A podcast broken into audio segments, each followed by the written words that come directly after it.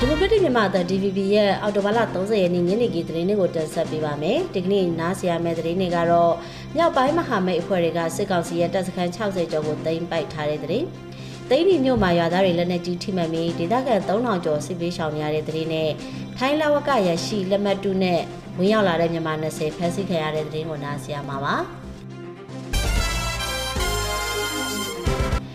ညပိုင်းမဟာမိတ်အဖွဲ့တွေကစစ်ကောင်စီရဲ့တပ်စခန်း60ကိုတင်ပိုက်ထားပြီးလက်ရှိအချိန်ကြီးတိုက်ပွဲတွေဆက်လက်ပြင်းထန်နေဆဲဖြစ်တယ်လို့ကိုကန့်တပ်ဖွဲ့ပြောခွင့်ရသူကပြောပါရယ်။တောင်မျိုးသားလူမျိုးရေးတပ်မတော် TNL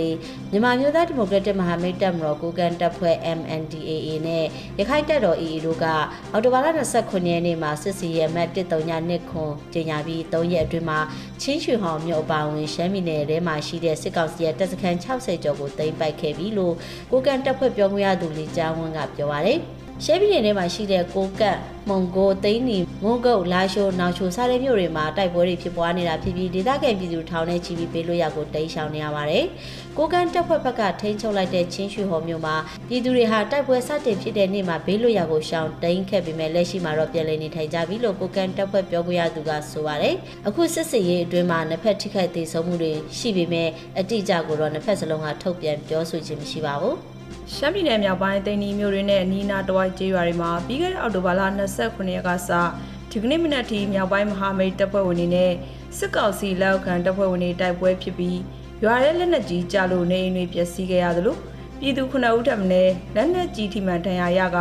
ရွာသား3000လောက်အိုးပြစ်အိမ်ပြစ်ထွက်ပြေးနေရပါတယ်။မနေ့မနက်9နာရီခွဲလောက်ကတိန်နီမြို့မှာရဲစခန်းဘုံခွဲခံရပြီးရဲတွေထွက်ပြေးကုန်သလိုမြို့တွေကဌာနဆိုင်ရာရုံးတွေနဲ့ ဈေးဆိုင်တွေပိတ်ထားပြီးလူသွားလာမရှိဘူးလို့ပြောပါတယ်။တိန်နီမြို့နယ်ခုဝင်းကျေးရွာနဲ့တိုက်ရဲကျေးရွာမှာမင်းညကလူတွေအိမ်မောကြချိန်လက်နက်ကြီးကျလာပြီးနေအိမ်ဆလုံးထက်မင်းပျက်စီးခဲ့သလိုလူလေးဦးလောက်ထဏ်ရာရသွားတယ်လို့ခုဝင်းရွာသူတို့ကပြောပါတယ်။ဒီမတိုင်ခင်တိန်နီမြို့ကောင်းဟော်ရက်ွက်ထဲမှာလည်းအော်တိုဘာလ28ရက်မနက်9နာရီကျော်ကအိမ်ဝင်းတစ်ခုရဲ့လက်နက်ကြီးကျပြီးအိမ်နှလုံးထိခိုက်ပျက်စီးကကလေးတယောက်လူကြီးတယောက်လက်နက်ကြီးထိမှန်ဒဏ်ရာရသွားတယ်လို့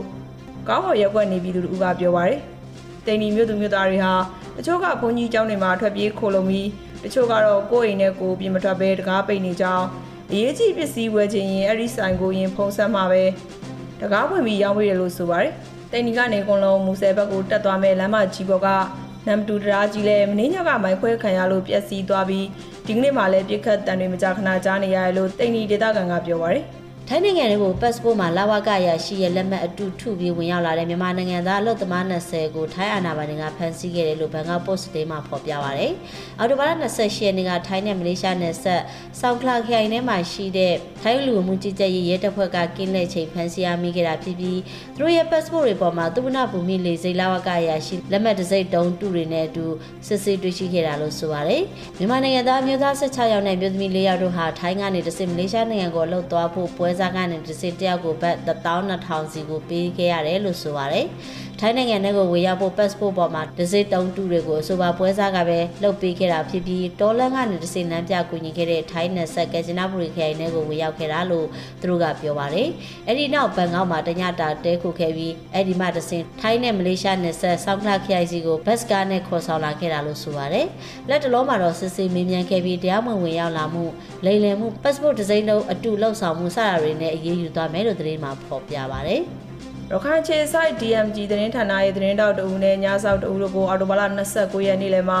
ရဲတပ်ဖွဲ့ကလာရောက်ဖမ်းဆီးပြီးကင်မရာနဲ့ကွန်ပျူတာတွေအပါအဝင်စာရွက်စာတမ်းတွေကိုတင်စီသွားတယ်လို့ DMG သတင်းတိုက် editor တူကတည်ပြုပါတယ်။ DMG သတင်းတောက်ကိုတဟောင်ဟာမနေ့ကစစ်တွေမျိုးစွန်းတော်ကြီးလောင်းလူပွဲကိုသတင်းတပ်ပုံသွားရိုက်စဉ်ဖမ်းဆီးခံရပြီး DMG ရုံးကိုဝင်ရောက်စီးနင်းခဲ့တာလို့ဒေသခံတွေကပြောပါတယ်။သတင်းတောက်ကိုဖမ်းဆီးပြီးတဲ့နောက် DMG ရုံးကိုစီးနှင်းကချိတ်ပိတ်ခဲ့တယ်လို့သိရပါတယ်။ လက်ရှိမှာတော့ဖမ်းဆီးခံရသူနှစ်ယောက်ကိုစစ်တွေမျိုးအမှတ်၁ရဲစခန်းမှာပဲထိန်းသိမ်းထားပြီးဘာကြောင့်ဖမ်းဆီးတဲ့ဘာမှုနဲ့ရေးယူမယ်ဆိုတာကိုတော့အသေးစိတ်မသိရသေးပါဘူး။အန်ဂိုလာနိုင်ငံလူရန်နယ်မြို့မှာကျင်းပတဲ့148ကြိမ်မြောက်နိုင်ငံတကာ နိုင်ငံတကာပါလီမန်များညီလာခံနဲ့ဆက်ဆက်အစည်းအဝေးမှာမြန်မာလွတ်တော်ကိုယ်စားလှယ်အဖွဲ့ပါဝင်တက်ရောက်ခဲ့ပြီးမြန်မာနိုင်ငံမှာလွတ်တော်ကိုယ်စားလှယ်တွေလူအခွင့်အရေးချိုးဖောက်ခံရတဲ့အခြေအနေတွေကိုထည့်သွင်းဆုံးဖြတ်ခဲ့တယ်လို့ထုတ်ပြန်ပါတယ်။အာဖရိကနိုင်ငံတစ်ခုဖြစ်တဲ့အန်ဂိုလာမှာအော်တိုဘာလ23ရက်နေ့ကနေ29ရက်နေ့အထိညီလာခံကိုကျင်းပခဲ့တာဖြစ်ပြီးဒေါက်တာဝင်းမြအေးဦးဆောင်တဲ့ကိုယ်စားလှယ်အဖွဲ့တက်ရောက်ခဲ့တာလို့ပြည်တော်စုလွတ်တော်ကိုစားပြုကော်မတီ CRPH ကထုတ်ပြန်ပြောဆိုလာပါတယ်။ ညီညီလာခံမှာဒေါက်တာဝင်းမြတ်၏အကြမ်းဖက်အာဏာသိမ်းစစ်ကောင်စီကကျွလွန်နေတဲ့ CRPH အပါအဝင်ပြည်သူတွေနဲ့တော်လှန်ရေးအင်အားစုတွေကအာဏာသိမ်းစစ်တပ်ရဲ့အကြမ်းဖက်မှုတွေကိုခုခံကာကွယ်နေတာတွေဒီမိုကရေစီရေးတစ်ခုတည်းသာမဟုတ်ပဲ Federal Democracy နိုင်ငံအသစ်တည်ဆောက်ရေးနိုင်ငံရေးကြိုးပမ်းတာတွေကိုမိတ်ကုန်းတွေမှာထည့်သွင်းပြောဆိုခဲ့ပါတယ်။မြန်မာနိုင်ငံရဲ့အခြေအနေကိုသက်ဆိုင်ရာလွှတ်တော်တွေမှာထုတ်ဖော်ပြောကြားပေးဖို့အကြမ်းဖက်မှုတွေအဆုံးသတ်နိုင်ရေးအာဏာသိမ်းစစ်ကောင်စီကိုပို့ပြီးဖိအားပေးဖို့အတွက်သက်ဆိုင်ရာအစိုးရတွေကိုတိုက်တွန်းပေးဖို့နဲ့ဒီမိုကရေစီအားစုတွေကိုငွေကြေးနဲ့နှိမ့်ပညာအကူအညီတွေပေးအပ်ဖို့လည်းတောင်းဆိုတိုက်တွန်းသွားပါတယ်ရှင်။